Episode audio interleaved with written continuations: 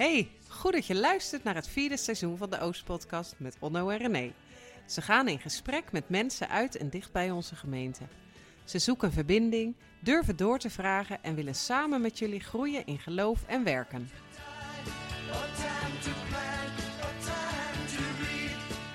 Welkom bij de Oostpodcast, de vijfde aflevering in seizoen 4.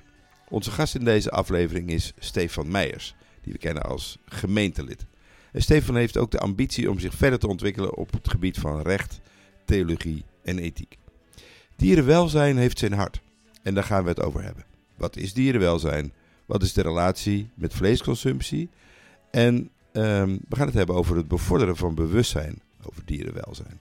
En René, waar gaan we het nog meer over hebben? Dieren hebben ook verlangens. Van sperrip naar noten en bonen. Het gaat om interne motivatie. Iedereen op zijn eigen tempo. En in het koninkrijk worden geen dieren gegeten. Kortom, Genoeg reden om lekker op de bank te gaan zitten kopje thee, koffie, en een koekje te pakken.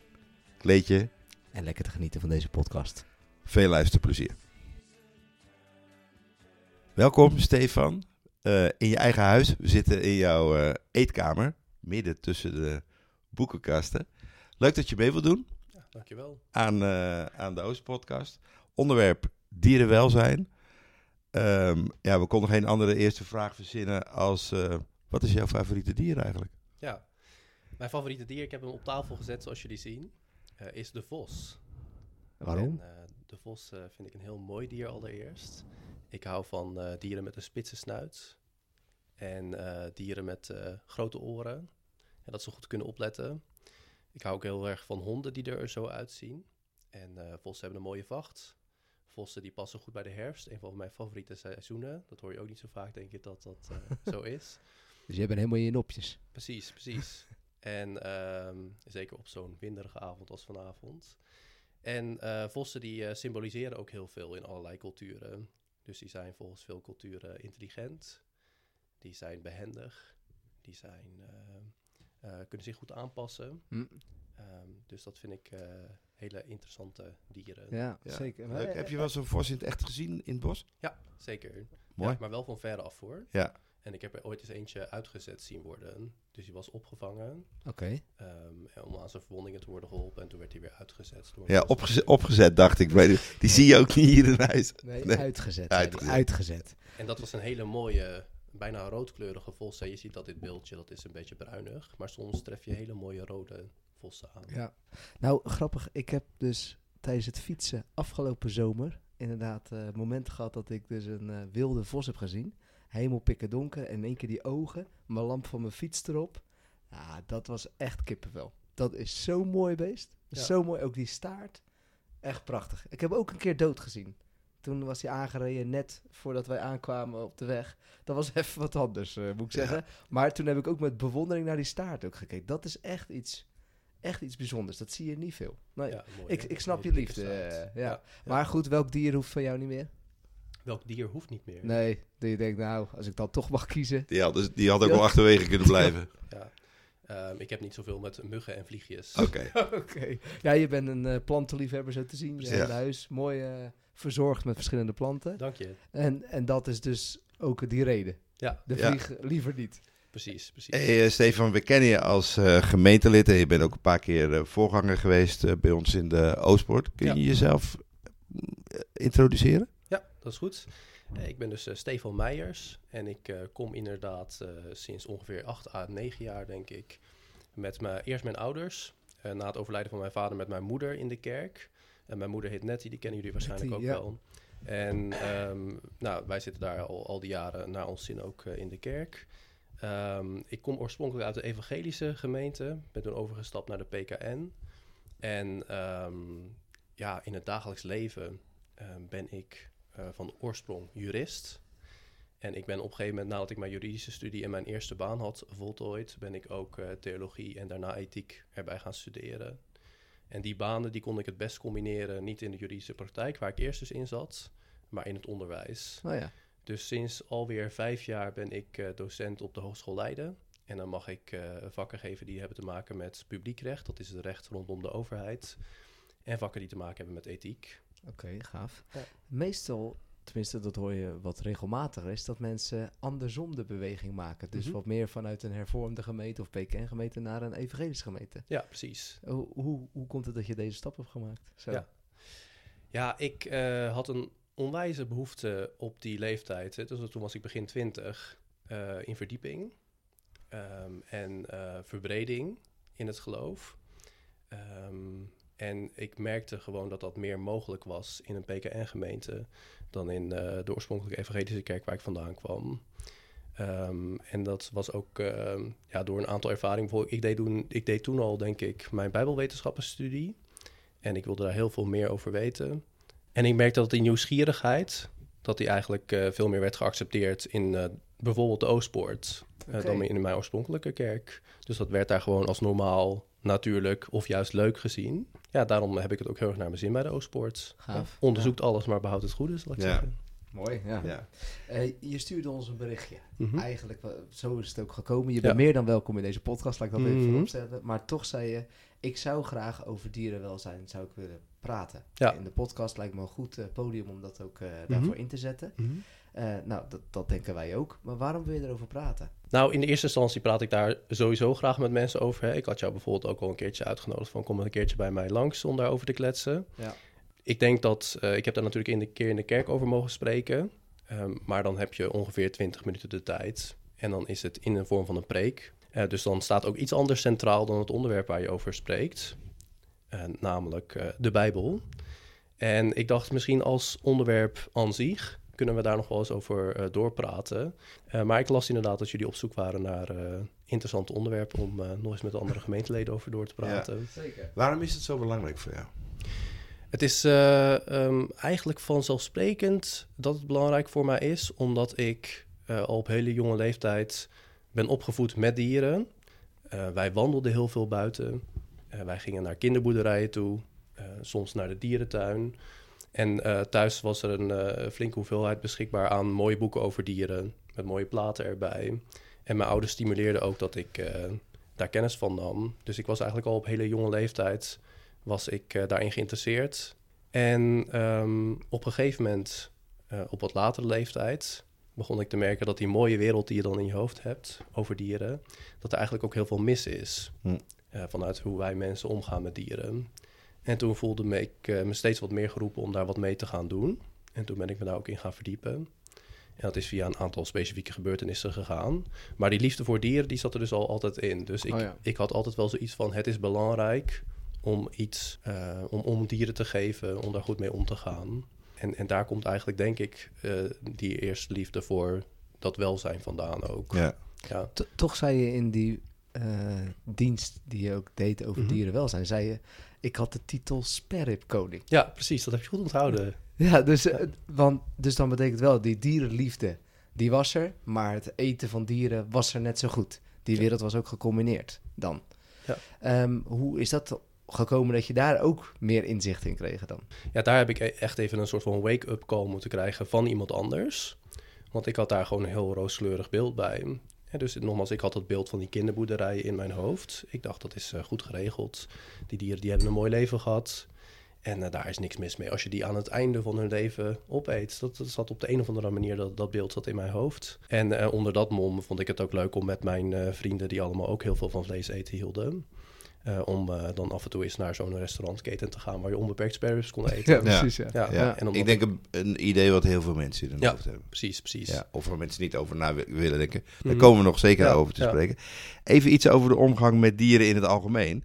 Want jij zei het al, we hebben huisdieren, we eten dieren op, we houden ze gevangen in dierentuigen, we gebruiken ze voor onderzoek. eh, we, we houden zelfs rekening met, met dieren als het gaat om de energietransitie. hè? Ja. Als er vleermuizen eh, zitten, dan moeten Mhm. we dat even uitstellen. Welke rol hebben dieren eigenlijk in onze wereld? Ik denk dat eh, wij natuurlijk, wij, wij zijn zelf onderdeel van de natuur. En dat realiseren we ons vaak niet. We zien dat misschien soms als twee gescheiden werelden, de menselijke wereld en de dierlijke wereld, of de natuurlijke wereld. Maar eh, dat is niet zo eenvoudig eh, te scheiden van elkaar, denk ik. Wij leven in die natuur, wij hebben daar steden gebouwd. En, en dan denk ik soms dat we ons te weinig realiseren. Wij, wij leven met al onze gebouwen en verbouwingen en eh, en onze landbouw te midden van de natuur en daar leven dieren. En, en daar moeten we ons tot verhouden. Ja, en wanneer is dat bij jou wat meer gaan leven? Want het is, eerst was dat meer soort rooskleurig. En toen kwamen de thema's rustig op je pad. Ja, dat is door een hele simpele uitspraak geweest van een eh, eh, advocaat waar ik ooit stage liep. En ik was met een aantal mensen aan het lunchen. En eh, zij vroegen, wat zijn je hobby's, wat vind je interessant? En toen vertelde ik dat ik nog steeds, ondanks dat ik rechten was gaan studeren, nog steeds heel veel me interesseerde in dieren en daar ook veel over las. En ehm, dat ik graag de natuur inging. En toen zei, ze- zeiden zij, oh, je houdt van dieren, maar we zien dat je vlees op je boterham hebt. Hoe komt dat nou? Nou, dat schenen allebei eh, vegetariërs te zijn. Dus die wilden natuurlijk een leuke discussie beginnen. En ik had oprecht daar nog nooit over nagedacht. Ik denk dat ik toen eh 23, 23 moet zijn geweest. Ja, 22 of 23.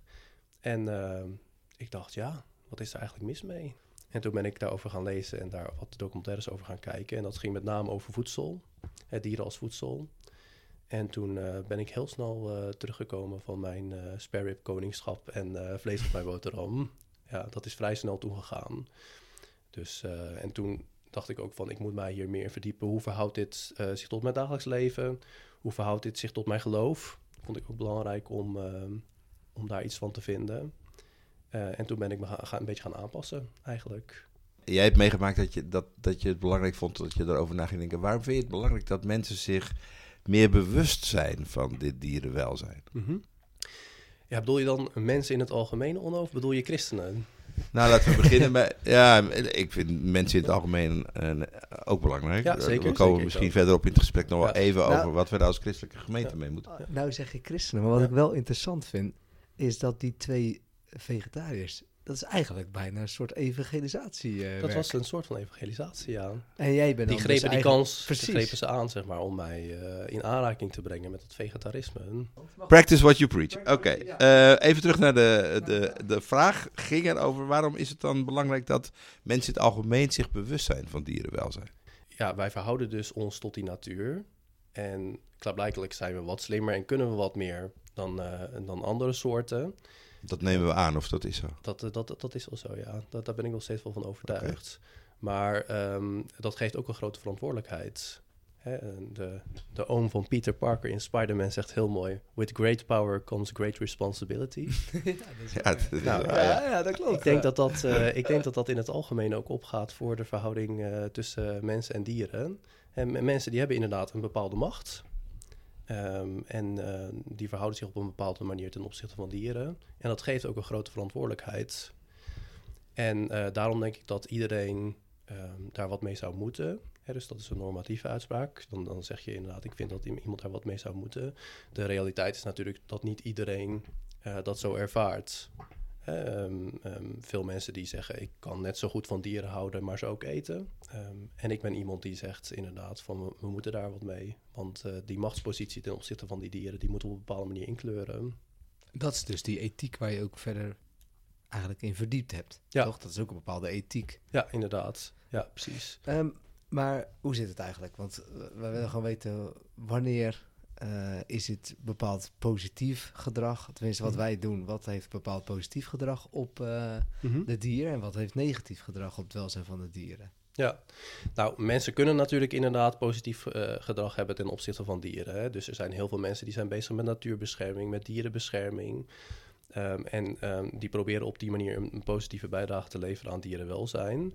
Ehm, vaak is dat natuurlijk ook zo gemaakt om juist de vreedheden van andere mensen weer te compenseren of, of de dieren daartegen te beschermen. Leg eens uit, hoe bedoel je dat? Nou, als jij bijvoorbeeld bezig bent met het beschermen van diersoorten in het wild, dan is dat vaak tegen stroperij, uitsterven doordat ze verdrongen zijn door ons. Oké. Ehm, hè, als je, ik, ik zeg maar wat, als je je inzet voor het behoud van de bij, dan komt dat vaak door eh, eh, allerlei gewassenbestrijding die wij gebruiken. Ja. Dus dat is ook weer een reactie op weer iets, iets wat de mens dan ooit eerder heeft gedaan. Ehm, en ik zou me ook kunnen voorstellen dat bijvoorbeeld een hele supergoeie diervriendelijke boerderij, eh, dat dat ook in het belang van het dier is. Je beschermt het dier dan tegen eh, roofdieren. Dus een beetje zoals het op de oude wijze ging, zal ik maar zeggen. Rondtrekkende herders met dieren. En die, die beschermden ze dan tegen roofdieren die toen nog ook heel veel rondliepen op de aarde. Dat was een reëel gevaar. Maar tegenwoordig eh, is het landschap zo gewijzigd dat wij inmiddels het grootste roofdier zijn. Dus, dus nogmaals, dus ik, kan- ik kan me wel een positieve invloed op dieren eh, voorstellen door En de hui- mens. huisdieren? Is dat ook een positieve invloed? Ik denk dat dat een hele positieve invloed kan zijn eh, als je dat huisdier goed verzorgt. En dan zullen de meeste mensen zullen dat doen. Eh, en dan zal dat dier zich heel prettig voelen. Hm. Een dier goed verzorgd, denk ik dat daar helemaal niks mis mee is. Nee, interessant. Ja. Is het eigenlijk erg als een dier uitsterft? Dinosaurussen zitten niet per se dat ik denk van nou, Mhm. Die mogen morgen terugkomen. Ja, ik denk wel dat dat jammer is, omdat ehm, eh, die soortenrijkheid, ehm, eh, dat heeft vaak ook allemaal een doel. Hè, die dieren, eh, die hebben een bepaald doel in die hele levenscyclus die er bestaat in de wereld. Dus jij zegt eigenlijk die balans is gewoon heel erg nodig. Ja, inderdaad. Da- daar is het eigenlijk allemaal uit opgebouwd. En je ziet klimaatsverandering. En wat daar gebeurt is dat dan die temperatuur stijgt.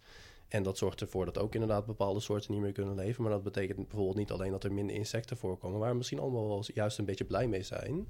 Met hè, nogmaals de, de minder muggen en minder vliegen.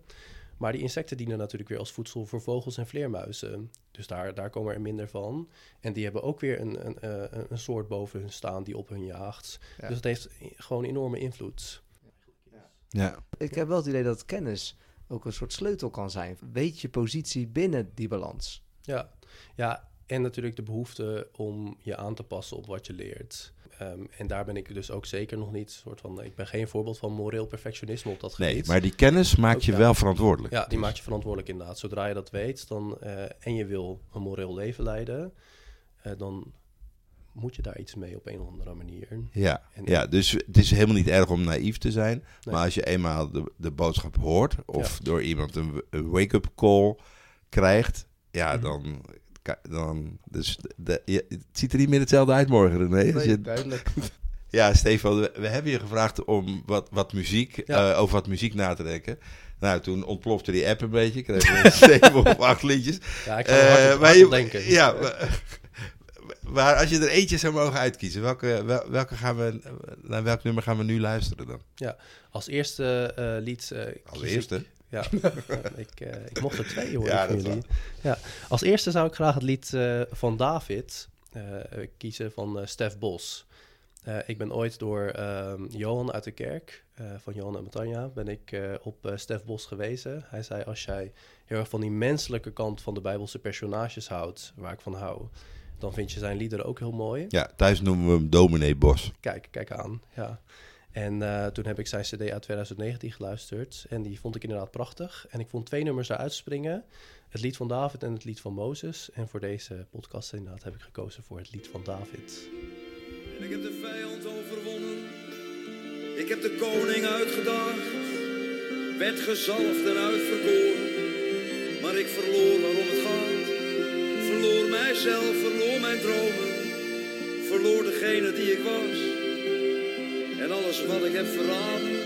Houdt mij nu wakker in de nacht. En nu sta ik hier in het donker. Kijk uit over de stad. Ik heb mijn naam gemaakt met wat ik vroeger tegen was. Loop verloren in het niets en verlang naar wie ik was. Waar zijn mijn woorden? Waar is de muziek? Waar zijn mijn woorden en waar is de muziek? Wat heeft hij een fijne stem, hè, die Stef Bos. eh. Zeker prachtig. Ja, mooie stem. Ehm, nou, laten we even doorgaan eh, met eh, dierenwelzijn. Eh, en ook ook even de ethiekant. Ehm, want hoe zouden we ethisch moeten nadenken over behandeling van dieren? Je hebt natuurlijk ethiek ook gestudeerd. Mhm. Hoe, hoe zouden we dat dan moeten doen? Ja. Nou, laten we eerst eens eh, nadenken, René, wat ethiek eigenlijk is. Ja, dat is, ja laten we bij begin beginnen. Lijkt me fijn als jij het uitlegt. Ja, eh. precies. Ja. Nou, ethiek, dat eh, is ook wel de wetenschap, eigenlijk een tak van de filosofie en de theologie, over het goede leven of de juiste keuzes. Oké. En er zijn inderdaad verschillende manieren om over die ethiek na te denken. En dus ook over die dierenethiek, die dierenwelzijnsethiek.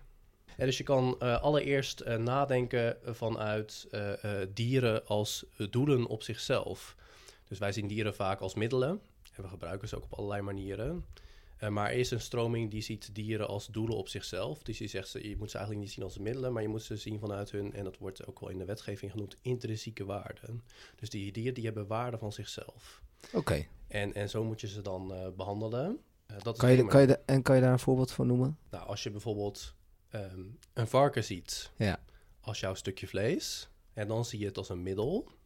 En als je dat varken ziet als een zwijn, en al- als een zwijn hoort te leven, en dan zie je het als een doel op zich. Dus dan kijk je naar dat zwijn zijn, en dan, dan zeg je ook dat zwijn zijn, dat heeft waarde van zichzelf. Dus hij binnen de balans die we zojuist hadden besproken hiervoor. Dus Ja. voor het, eh, de break, daar hadden we natuurlijk over die balans binnen de Circle of Life. Ja. Jij zegt, oké, dan zie je de, die, dat dier eigenlijk naar zijn waarde. Ja, inderdaad. Oké. Ja, het is wel grappig, want we, we, je- we wilden daar ook een beetje op voortborduren. Omdat we hadden een voor, zelf een voorbeeldje bedacht. Hè? Mhm. Stress die koeien ervaren, reduceren om de kwaliteit van melk of vlees Mhm. eh, of eh, boter beter te maken. Of we vinden het belangrijk om de stress eh, te vermijden omdat het voor de koe beter is. En eh, bij het ene denk je dus inderdaad eh, aan een middel. Ja. En bij het andere denk je aan de, de koe Ja. als waarde op zichzelf. En wie, wie is de grondlegger van deze gedachte? Dat is Immanuel Kant ooit geweest. Maar Immanuel Kant had zelf niet zoveel interesse in dieren. Want die zei, je hoeft alleen rekening te houden... of je hoeft alleen intrinsieke waarde toe te kennen aan rationeel denkende wezens. En hij dacht dat alleen mensen rationeel denkende wezens waren. Dus hij beperkte die eh, kring van rekening houden met wezens tot de mens. En nou is er een, eh, filosoof die in zijn traditie ehm, eh, is voortgeborduurd op zijn theorie. En die zegt, nee, we moeten eigenlijk ook rekening houden met dieren. En die heet Christine Kursgaard. En dat is iemand die komt uit het noorden, zoals je hoort aan haar naam. En die werkt in Engeland. En die heeft die filosofie doorontwikkeld om hem ook toepasbaar te maken op dieren. Ja, ja. Oké. En we- Ja. welke versies hebben we nog meer? We hebben ehm, de gevolgenethiek. Dat wordt ook wel met een duur woord utilitarisme genoemd. En dat is de ethiek die eigenlijk zegt... we moeten niet kijken naar de waarde van zo'n dier bijvoorbeeld... maar we moeten kijken naar de gevolgen van ons handelen. En we moeten daar een afweging in maken. Dus we hebben aan de ene kant het genot dat wij kunnen krijgen... van bijvoorbeeld een stukje vlees... En we hebben aan de andere kant de pijn die het veroorzaakt bij een hoeveelheid dieren. En dat moeten we ten opzichte van elkaar afwegen. En dit is ook ontstaan in de context van dat dit natuurlijk eh, ging om het eh, leed van mensen en het, genot van mensen. En eh, daarin een belangenafweging maken. En er is op een gegeven moment een filosoof geweest in de jaren tachtig, Pieter Singer. En die heeft gezegd, nee, wij moeten dat ook met dieren, die moeten daarin ook mee, mee worden gewogen. In, in die, die pijn- en die genotverhouding. Ja, dus dat is nog een manier. Eh, een van mijn favoriete manieren is eh, eh, kijken naar eh, wat voor soort mens jij zelf wil zijn. En dat heet ook wel de karakter- of de deugdethiek. En dan kijk je dus, mensen hebben bepaalde karaktertrekken. Eh, eh, morele, bewuste mensen die willen die karaktertrekken, willen die ontwikkelen. En die gaan dus naar een karaktertrekken kijken. Hoe verhouden die karaktertrekken van mij zich nou tot, tot de omgang met dieren eigenlijk? Ja, dus ehm, stel ik wil eerlijk zijn, dat is een voorbeeld van een, ehm, een karaktertrek. Of ik wil rechtvaardig zijn, of ik wil liefdevol zijn. Ehm, ja, dat soort dingen, moedig. Ehm, hoe Toeval- verhouden die toevallig allemaal karaktertrekken? bijbelse karaktertrekken hier. Zeker, zeker, Ja. zeker. De Bijbel staat er vol van, van deugden. En ehm, hoe glimmen. ja, Ja, ja, ik zie het. Zeker. Hoe verhoudt dat zich nou tot, eh, tot de omgang met dieren? En dat is een van mijn favorieten. En dan heb je nog wat eh, minder bekende stromingen. En die zeggen, nou, je moet ook zorg en empathie meerekenen. Ehm, je moet ook kijken naar eh, rechten van dieren. En eh, tenslotte is er een, een benadering die heet de capaciteitentheorie van Martha Nussbaum. En je hebt ook een theologische ethiek over dieren. Hè, dus die is gebaseerd op theologische principes die dan zijn uitgewerkt in een, in een ethiek. En ehm, Ja, dus hebt- er zijn allemaal manieren om er naar te kijken. Maar dit zijn dan gewoon vijf, zes manieren eigenlijk. Inderdaad. En Ja. ehm, jij zegt al, mijn favoriet is dus eigenlijk vanuit je eigen deugden, karaktereigenschappen kijken naar. Mhm. Welke impact heeft dat dan voor jou? Ja, nogmaals, als je, als je het op jezelf probeert te betrekken. Hè, je hebt ook mensen bijvoorbeeld die heel erg naar instituties kijken, bijvoorbeeld. ehm, ehm, bijvoorbeeld de industrie of de supermarkt.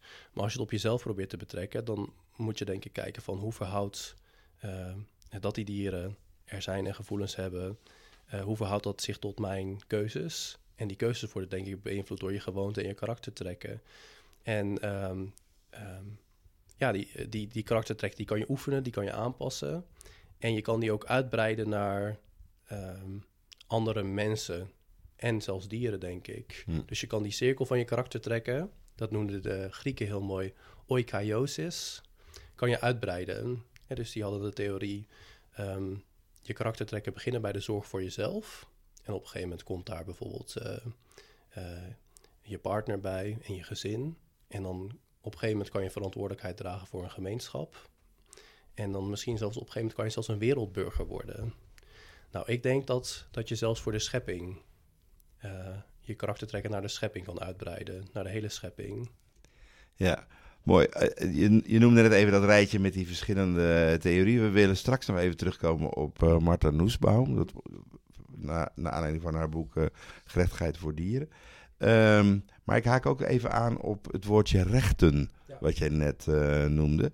In hoeverre zouden we rechten aan dieren moeten toekennen, denk je? Ja, Ehm, dat is, het is een manier om, om dieren op die manier te beschermen. Hè. Rechten betekent dat je, eh, eh, er zijn mensenrechten, eh, dat je mensen beschermt. Ehm, maar dat is ook altijd een tenzij. Dus je kan mensenrechten ook beperken door bijvoorbeeld in wetten te bepalen dat er ook andere belangen zijn waardoor je die mensenrechten kan beperken.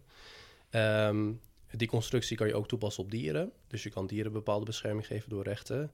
Maar ik denk dat we dan. ehm, ik denk dat de functie van rechten soms wordt overschat.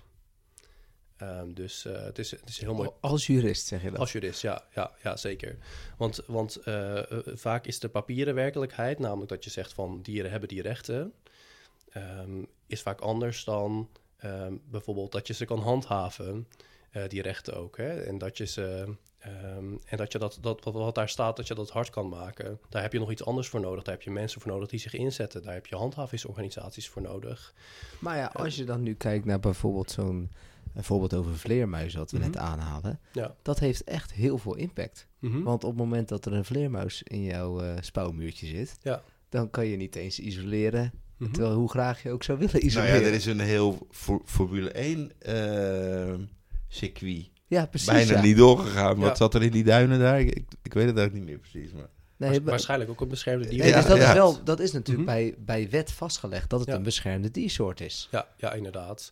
Ja, en, en dat betekent dat je daar veel meer rekening mee moet houden dan met andere dieren.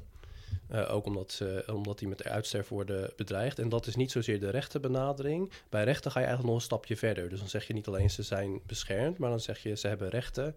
En die rechten die mag je onder de meeste omstandigheden mag je die niet eh, overschrijden. Oh ja. En ik, ik denk wel dat je bepaalde dieren rechten moet toekennen, zoals eh, primaten. Hè, dus eh mensapen zou je kunnen zeggen, en dolfijnachtige, dus dolfijnen en orka's. Ik denk dat die dieren rechten moeten hebben. Die zijn zo enorm intelligent en, en voelend, eh, dat ik denk dat die rechten, dieren rechten moeten hebben.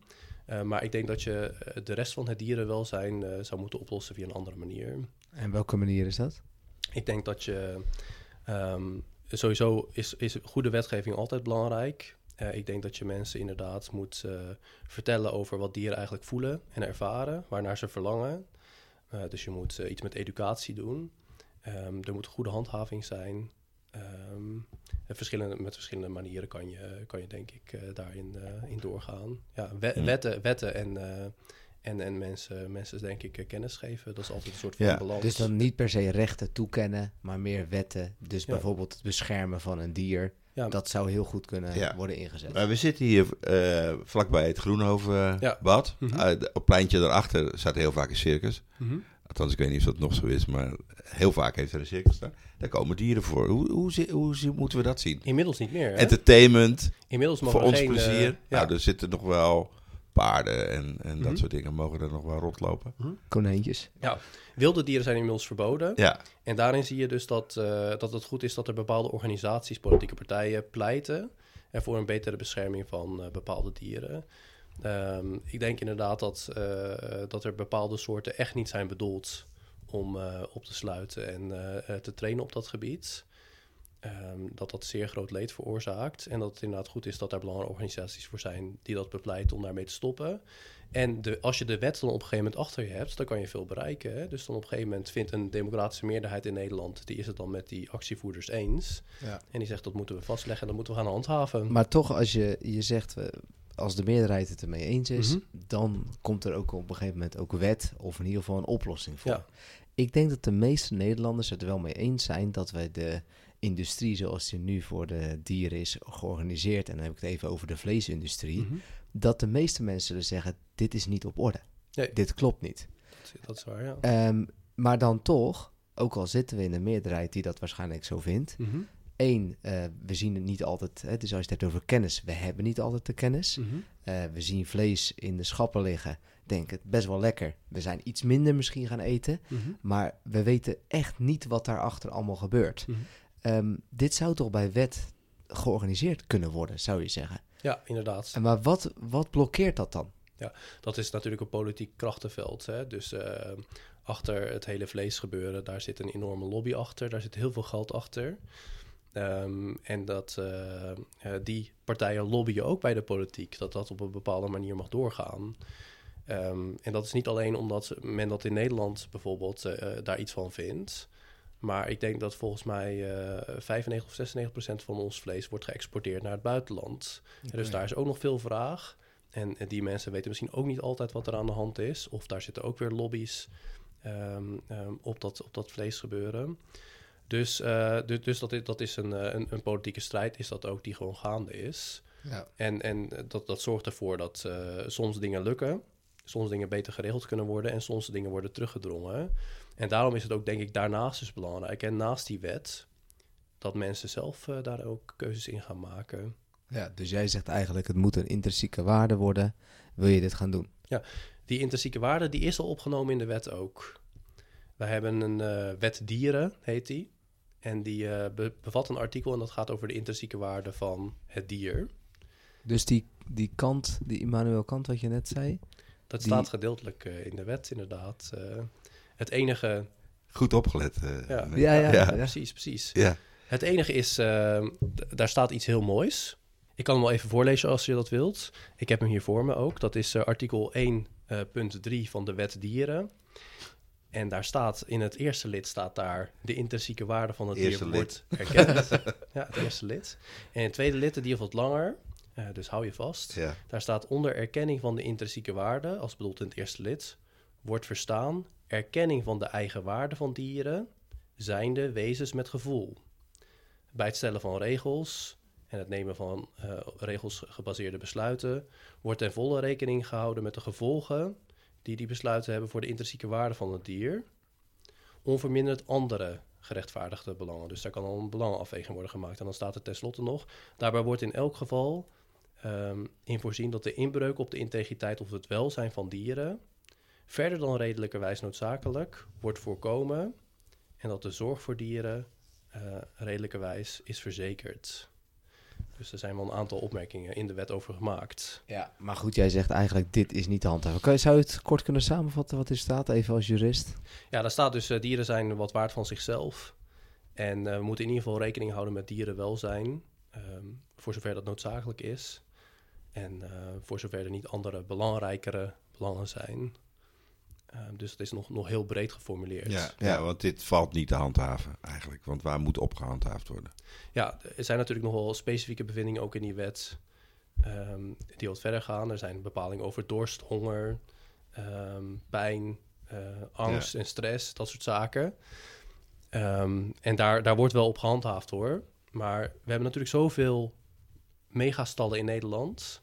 En we hebben maar een hele kleine Nederlandse voedsel- en warenautoriteit. Dat is de eh, instelling die is belast met de handhaving van dierenwelzijnswetgeving. Ehm, dus die hebben het heel druk. Ja. Ja. Ja, precies. Hey, de- we- we- twee dingen die we nog even willen aankaarten Mhm. nu, voordat we nog naar een stukje muziek gaan. Dat zijn eh, morele overwegingen voor mensen als het gaat om het eten van vlees. En die, en die veehouderij waar jij net over begint, die intensieve veehouderij. Misschien moeten we daar eh, even mee beginnen. We, we zaten zelf eens te denken van, stel je nou voor dat wij undercover gaan in zo'n intensieve veehouderij. Mhm. Ehm, zou jij kunnen beschrij- beschrijven, of misschien ons een beetje mee kunnen nemen, in wat gaan we aantreffen? Ehm, ik ben zelf al eens een keer in een eh, megastal geweest, een paar keer. Eh, toen ik eh, assistent beleidsmedewerker was bij de ChristenUnie Tweede Kamerfractie, was dat destijds nog, in 2013. En dan worden Tweede Kamerleden wel eens uitgenodigd om te gaan kijken bij zo'n, ook zo'n megastal.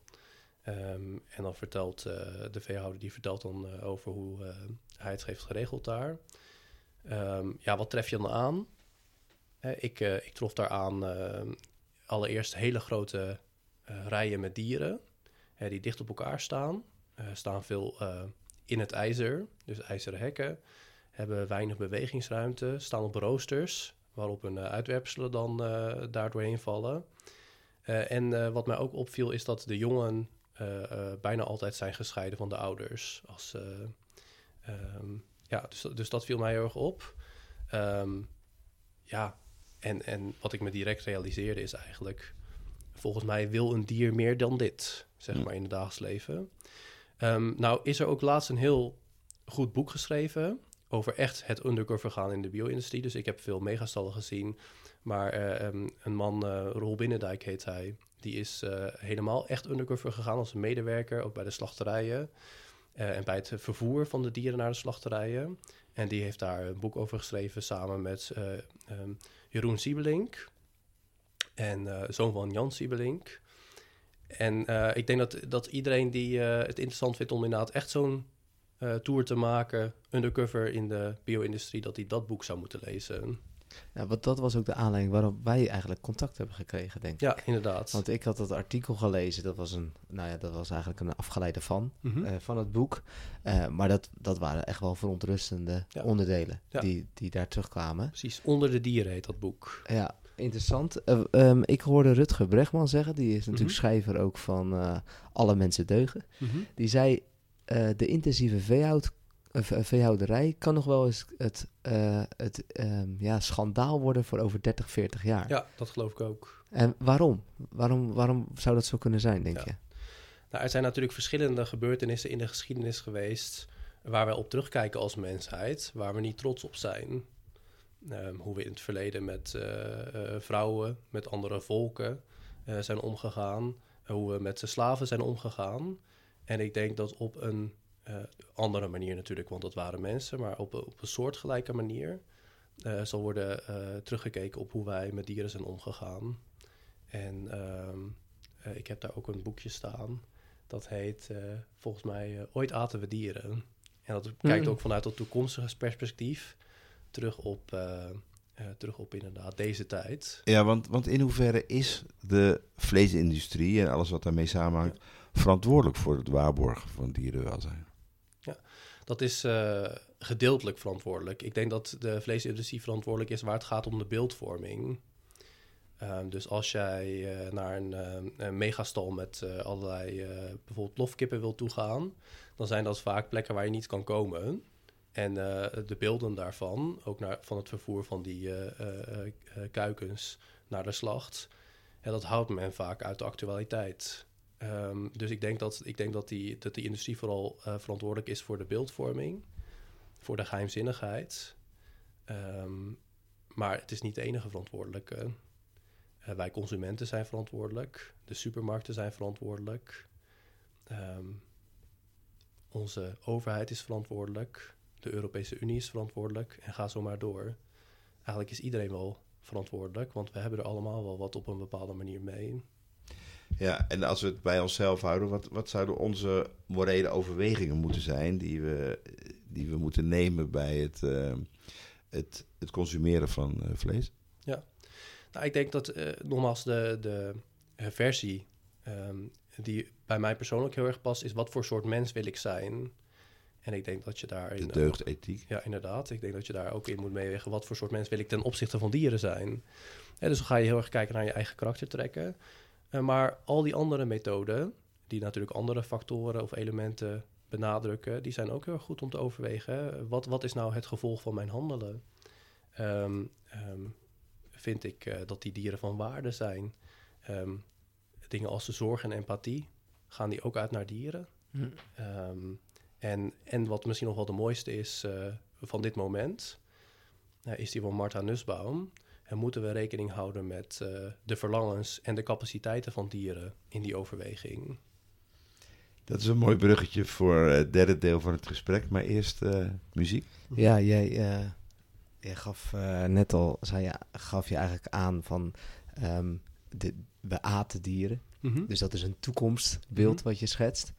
Je hebt ook een lied meegebracht als tweede. Ja. Wat gaat over een toekomstbeeld. Ja. We hebben het pas in de, in de kerk ook gehad met Corbett Roy. Die zei ook van de, eh, ja, de aarde, of tenminste de schepselen, maar ook de aarde, die rij- zien rijkhalsend uit naar het moment waarop dus eh, wij geopenbaard worden. Dus ook in ons Mhm. gedrag en handelen.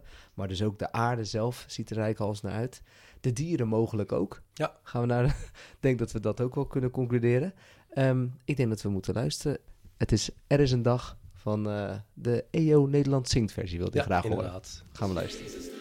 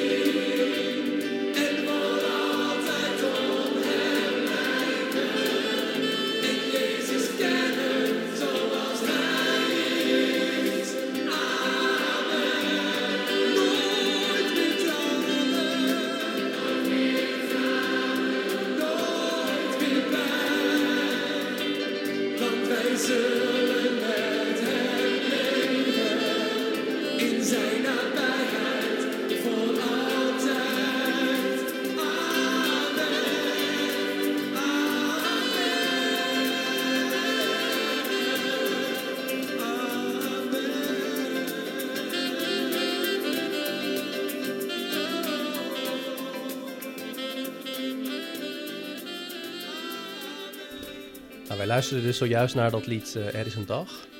En eh, wat daarin wordt gezongen, dat geloof ik ook echt. Hè? Dus in mijn eigen geloof staat dat Koninkrijk van God heel erg centraal. En ook het voltooien daarvan in de aankomende wereld. En daar zien we ook eigenlijk waar, waar, dat, eh, waar dat lied over gaat. Hm. En heel die schepping die wacht daar eigenlijk op. Want dat zal een tijd zijn zonder lijden. ehm, waarin we onze eh, overleden vrienden en familie weer terugzien. En eh, waarin Jezus op een rechtvaardige manier over die nieuwe aarde zal regeren. Eh, en waar eigenlijk alles wat lijden ehm, ook niet meer zal lijden. En dus je ziet daar teksten over geen tranen meer, ehm, nooit meer pijn. Dat geloof ik ook echt. Mm, eh, mm. En daar, daar zie ik ook naar uit. En, en als we het dan hebben over dit onderwerp van dierenwelzijn, dan denk ik ook echt van, nou ja, als je dat dan gelooft, hè, dat er zo'n zo'n tijd aankomt, kunnen we daar dan ook niet iets in het heden mee doen? En dat is denk ik ook wat het Koninkrijk van God is. Dat we in die gemeenschap van christenen wat doen met dat koningschap van Jezus, wat dan zichtbaar zal zijn. Ja. En nu al zichtbaar kan zijn in hoe wij met elkaar omgaan. En met die schepping omgaan. En met die Ja. dieren omgaan. Maar ja, dat, wat ik doe maakt toch helemaal niet uit, Stefan? Ja, Maakt toch helemaal niet uit wat ik doe? ja, dat is inderdaad dat fatalistische denken. Hè? Dat, je, dat je eigen keuze, je eigen individuele keuze er niet toe doet. Ja. Ik hou gewoon van een stukje vlees. Ja, ja. Eten zonder vlees, wie doet dat nou toch? Vleesvervangers. Mhm. Dat is echt vies hoor. Ja, ja. Ik eet zelf nauwelijks vleesvervangers, zeggen. Ehm, ik krijg het wel eens voorgeschoteld. Ik heb mijn dieet aangepast door eh, heel veel eh, noten en eh, bonen en erwten en dat soort, dat soort dingen te eten. Groenten waar veel eiwit in zit. Dus denk aan broccoli. Dus je zegt er zijn alternatieven, Ja. maar het zijn wel tegenargumenten. Ehm, sterker nog, we zitten nu aan tafel. We weten dat eh, Wilders eh, uiteindelijk de grootste partij is geworden. Mhm. Die heeft niet echt per se dierenwelzijn in zijn agenda heel erg groot opgeschreven. Hm. Ehm, en dat is ook wel, dat ik denk, ja, eh, is dat ook niet iets waar we gewoon een beetje moe van worden, geen zin in hebben? Het heeft toch geen zin om dat allemaal te veranderen? Ja, Ik doe, jij moet dan met nootjes en dat soort dingen. Dat- ja, precies, precies. Ja, hoe, hoe, hoe krijgen we elkaar nou intrinsiek hiervoor gemotiveerd? Ik vind het eigenlijk ook heel, heel moeilijk. Om je aan te Persoonlijk. passen. Ja, ik, ik, ik hou ook van een gehaktballetje. Ja. Nou, ga maar zo'n gehaktbal vervangen. Dat is echt niet te eten. Nee, nee, nee, nee. En ik denk ook dat we bij dat eh, moeten en ehm, ehm, allerlei inderdaad eh, aanpassingen als een soort van doel op zichzelf. Ja. eh, dat we daar vandaan moeten blijven. Dan komt er heel veel druk op ons te staan. En eh, ik, denk, ik denk vooral dat er verlangen mag zijn. Vind je die wereld mooi, waar de Bijbel het over heeft? Vind je die manier waarop we met elkaar omgaan en waarop we met de schepping omgaan, vind je dat mooi? Verlang je daarna? Zo ja, hè, probeer dan je leven gaandeweg ehm, ehm, in, in overeenstemming te brengen met dat koninkrijk. We weten niet voor niks ook hè, de, de, de godsdienst van de weg in het begin, eh, toen het christendom Ja. nog geen christendom heette. Toen werden Jezus' volgelingen de, de mensen van de weg genoemd. Hè, die, die waren op pad om iets te realiseren.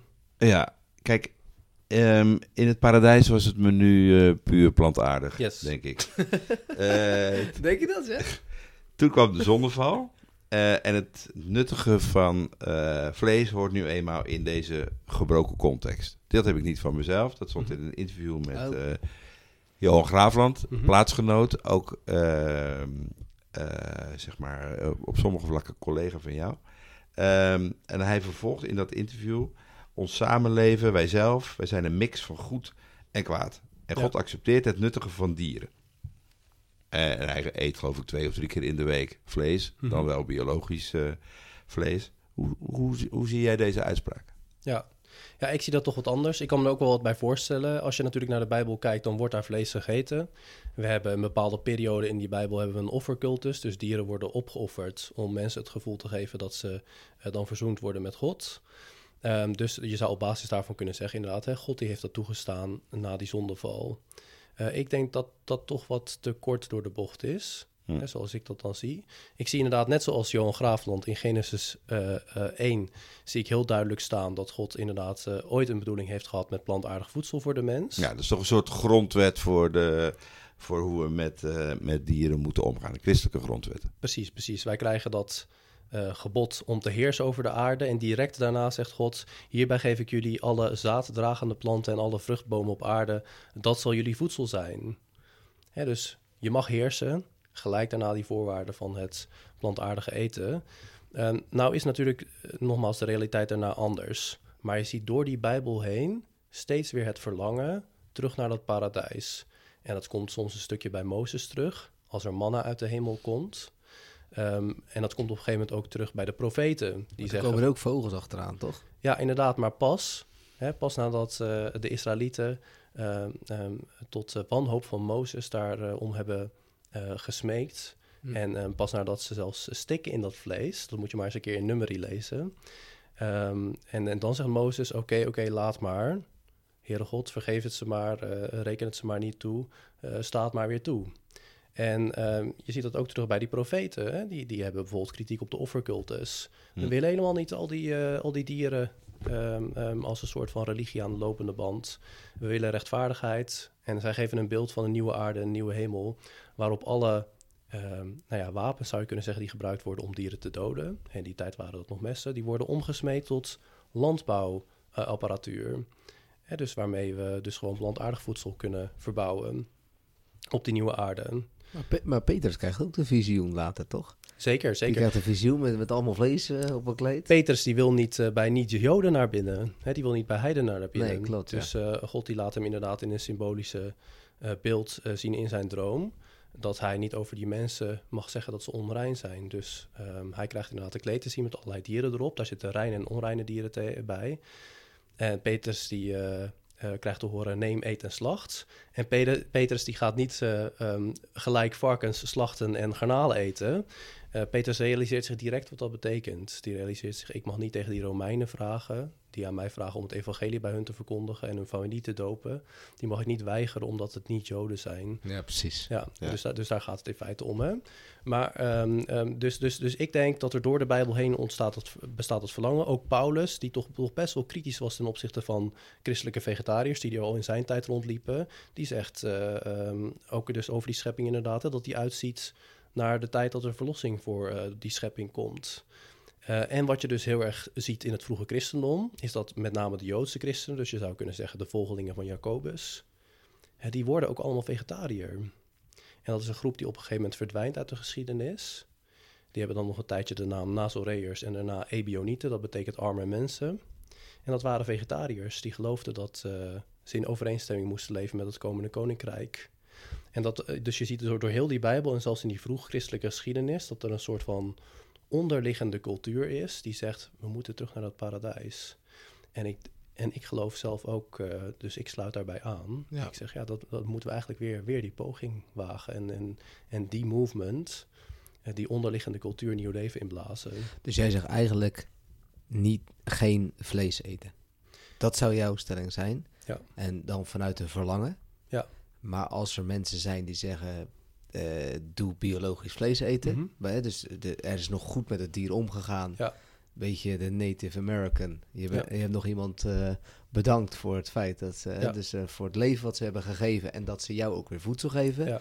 Daar ben je dan mild tegenover of zeggen nee, dat is nog steeds hou, hou het streven naar dat paradijs. Ik vind het prachtig dat mensen die keuze maken. Hè, want alles wat natuurlijk bijdraagt aan dierenwelzijn, dat is goed. Dan zag ik credits, ga daar vooral mee door. Eh, maar ik zelf persoonlijk geloof dat er op de nieuwe aarde geen dieren meer worden geslacht. Dat er geen geweld meer is tegenover dieren. Eh, en ik wil daar al graag mee in overeenstemming leven.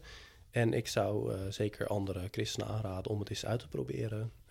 Je krijgt er niks van. Zorg, Nee. zorg goed dat je gevarieerd eet. En ehm, misschien bevalt het je wel goed. Ja. Ehm, heb je dan ook zo'n wake-up call voor ons als luisteraar? Mhm. Wat zou dan een wake-up call kunnen zijn? Een eh, wake-up call. Nou, wat ik dus heel erg geloof, is dat wij inderdaad eh, ooit zijn aangewezen als heersers over de aarde in het evenbeeld van God. En dat wordt soms nu eh, als negatief afgedaan. Van, nou ja, dat klinkt heel dominant, als een soort van dictator. Maar zo is het natuurlijk ooit niet bedoeld. En ik denk dat wij op een gegeven moment, toen we ook gevallen zijn als mensen, dat we dat niet meer goed hebben gedaan. Ehm, maar dat we, zeg maar, door onze verzoening in Jezus Christus, eh, dat we weer die soort heerser kunnen zijn. Een heerser zoals Jezus. Iemand die dienend heerst. En iemand die zorgzaam heerst, rechtvaardig heerst over de schepping. En, en, en, en dat is misschien iets moois om voor mensen over na te denken. Van onderschat niet dat je bent aangewezen als een heerser in het evenbeeld van God. Weet ook als je verzoend bent door Jezus Christus, dat je dat mag zijn. En probeer het ook op die manier te doen, ehm, zoals het Koninkrijk van God ons voortleeft. Of voorleeft, moet ik zeggen. Ja, eh, als we het onderwerp naar de kerk brengen. Want Mhm. ik, ik kan me voorstellen dat mensen to- toch ook wel een, lastig thema vinden. Om de- jouw boodschap is van nou, morgen bij de weekendboodschappen. gooi nou maar geen vlees in je karretje. Wat extra noten. Ja. Ehm, heeft de kerk hier een, een rol in eigenlijk? Om het bewustzijn van dierenwelzijn eh, een beetje eh, op te porren of na te denken over concrete stappen. En jij gaat eigenlijk nog een stap verder van, ja, ehm, misschien moeten we wel met elkaar in de christelijke gemeente vegetariër worden. Vind je dat, vind je dat de kerk daar een rol in heeft?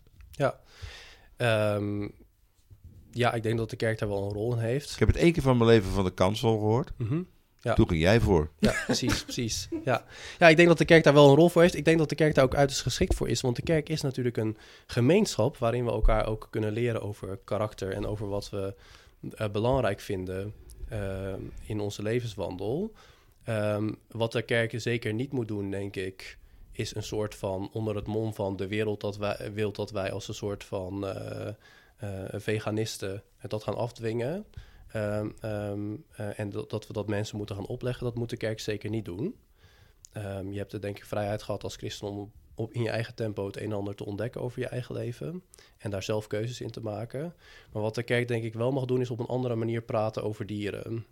Dus wat ik soms nog hoor in gebeden, is dat er eh, bijvoorbeeld heel eh, specifiek wordt gebeden voor... ehm Heere God, wilt u zorgen voor dat en dat lijden bij mensen? En dan wordt heel specifiek gezegd bij mensen. Of, ehm, of, ehm, of in hele algemene termen, de schepping, de natuur. Maar je mag die dieren soms ook bij naam noemen. Dus, dus, eh, dus ook gewoon expliciet noemen dat dierenleed. Hè? Of, of eh, help ons daarmee op een goede manier om te gaan.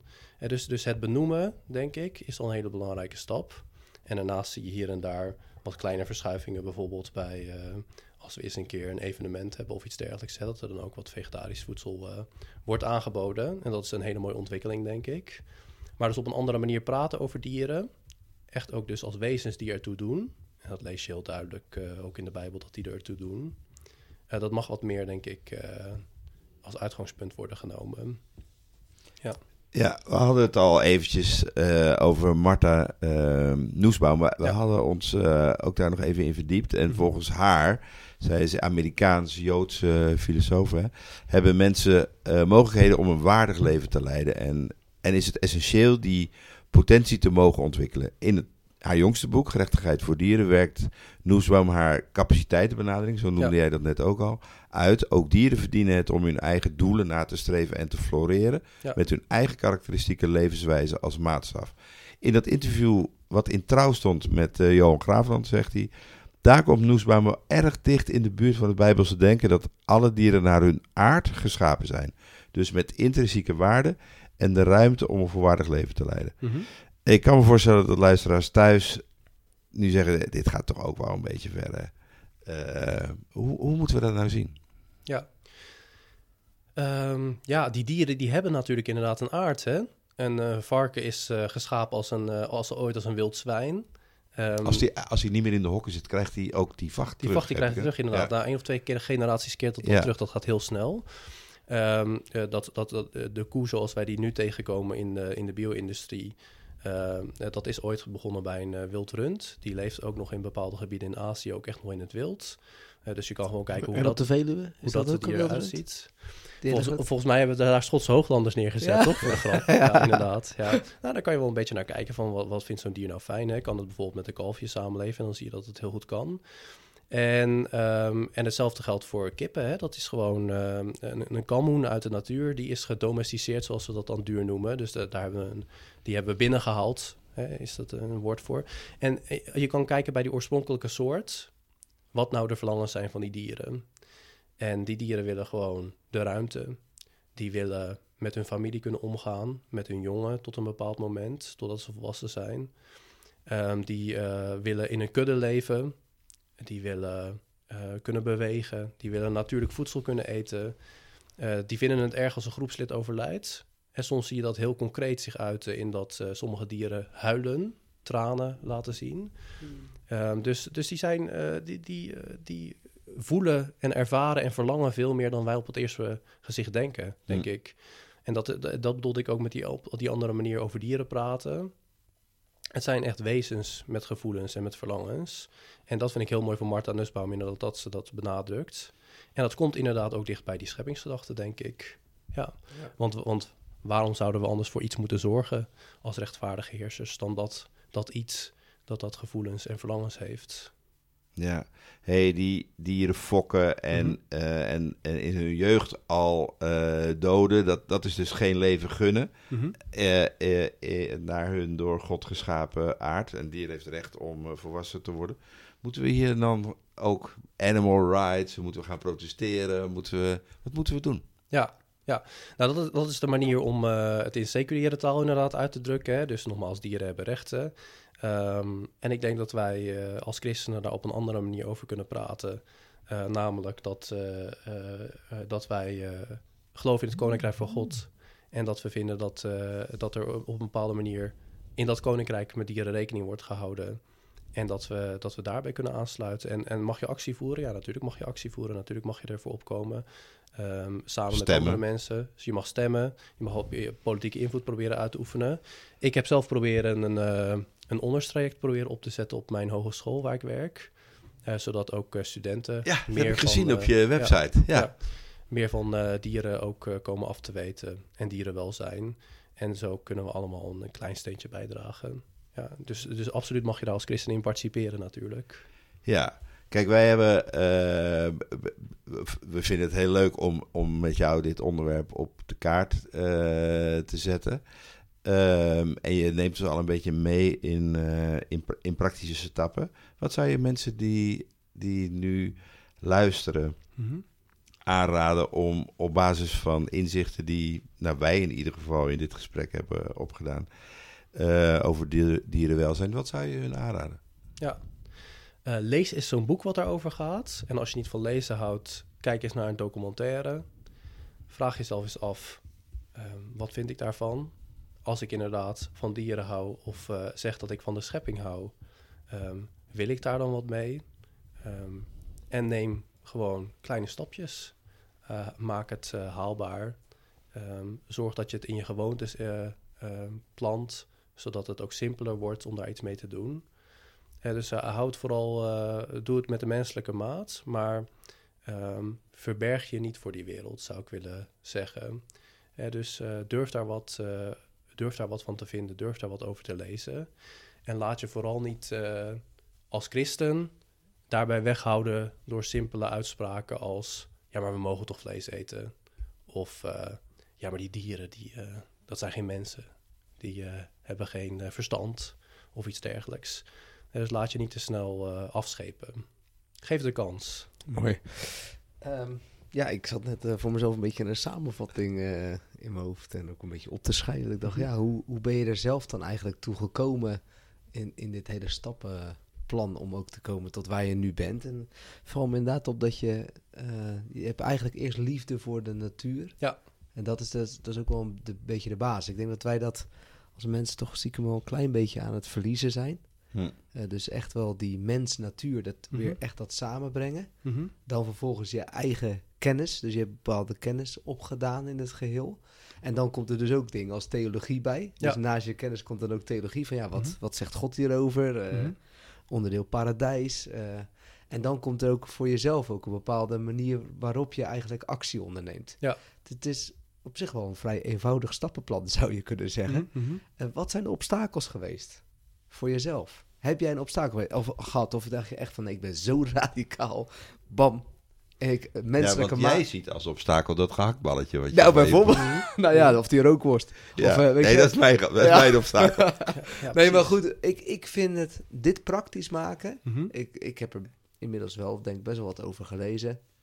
Maar ik vind het toch heel uitdagend. Ja. Eh, ik ben wel benieuwd, welke uitdagingen heb jij gehad en hoe ben je daarmee omgegaan? Ja. Nou, als als sperripcoding dan, hè? want daar Mhm. begon je. Ja, precies, precies, ja. Nou, ik, ehm, ik moet eerlijk zeggen, ik heb nog lang gehad, en om even terug te komen op die sparrow koning, dat ik inderdaad bij dat stukje vlees, want daar had ik ook een bepaald sentiment bij, namelijk die gezelligheid met vrienden, als ik dat dan rook, en dan dacht ik echt van, ah ja, wat jammer is dat eigenlijk, hè. Maar bij mij heeft dat hele dierenwelzijnsgebeuren een soort van shock-effect gehad. Ja. Dus ik hield al van dieren. Toen kwam ik er vervolgens achter dat er dus, met, met name met dat betrekking tot het voedsel, dat daar iets aan de hand is. Dat heeft mij gechoqueerd. Dat heeft, dus je zou kunnen zeggen, oh, om het even heel zwaar aan te zetten, dat heeft een, beetje een traumatische ervaring veroorzaakt. En toen heb ik gedacht, ik wil hier ni- niet meer zoveel mee te maken hebben. En toen ben ik mijn leven daarop gaan aanpassen. Dus ik, en toen ben ik een gewoonte gaan ontwikkelen. En vervolgens ben ik die gewoonte gaan funderen. Om voor het geval dat ik inderdaad later nog eens het idee zou krijgen van nou misschien toch nog maar weer eens even teruggaan. Hè, dat, dat ik dan in ieder geval een bepaald soort gedachtegoed had. Mm. eh, waarin ik eh, geworteld ben, Ja. gefundeerd ben. Ehm, dus dus in die volgorde is het ja. bij mij gekomen. Ja. ja. ja oké. En mijn obstakels ja. waren eh, dus in het begin nog even die sparerib geur. Mm. Ehm, Maar je hebt nooit een terugval gehad. ik heb nooit een terugval gehad. Wat ik wel eens heb gehad, is dat ik soms denk: waar doe ik het allemaal voor? Ehm, en daarom vond ik dat lied van David ook zo mooi. Mm. Want hij begint als een herder dicht bij de natuur. En eh, daar heeft hij. eh, dat, dat is in, in dat lied is dat ook zijn eerste liefde. Op een gegeven moment gaat hij zich natuurlijk eh, vanwege allerlei redenen in het politieke domein gaat hij zich profileren. En wordt hij koning. En dan realiseert hij zich vanaf, die, vanaf dat balkon van zijn paleis. Ja, waar is die eerste liefde van mij, zeg maar, hè, die natuur in dat lied. En ik denk dat als ik cynisch werd, of dat ik dacht inderdaad, wat heeft het allemaal voor zin om daar dingen over te schrijven of die dingen over te zeggen. En dan dacht ik, nee, maar het is goed om van dieren te houden. Daar is niks mis mee. Dus ga maar terug naar die eerste liefde. Hm. En, eh, en dan is een obstakel eigenlijk eh, geen obstakel meer. Klinkt wel weer als van je pijn ook je passie, je passie maken. maken. Mhm. Ja, Dus eh, we kunnen de podcast bijna zo gaan noemen. ja Mooi. inderdaad. Ehm, wil je heel erg bedanken voor, eh, voor je tijd, voor je inzicht met betrekking tot dierenwelzijn, maar ook vooral je, je denkpatroon. Hè, dus we zien nu meer eigenlijk eh, je redenatie achter je keuzes. En dat Ja. vind ik echt wel heel interessant. Oké, En ik hoop ook dat andere mensen daardoor geïnspireerd raken. Ik, ik, ik ben in ieder geval door geïnspireerd geraakt. Eh, laat ik dat even bij mezelf houden.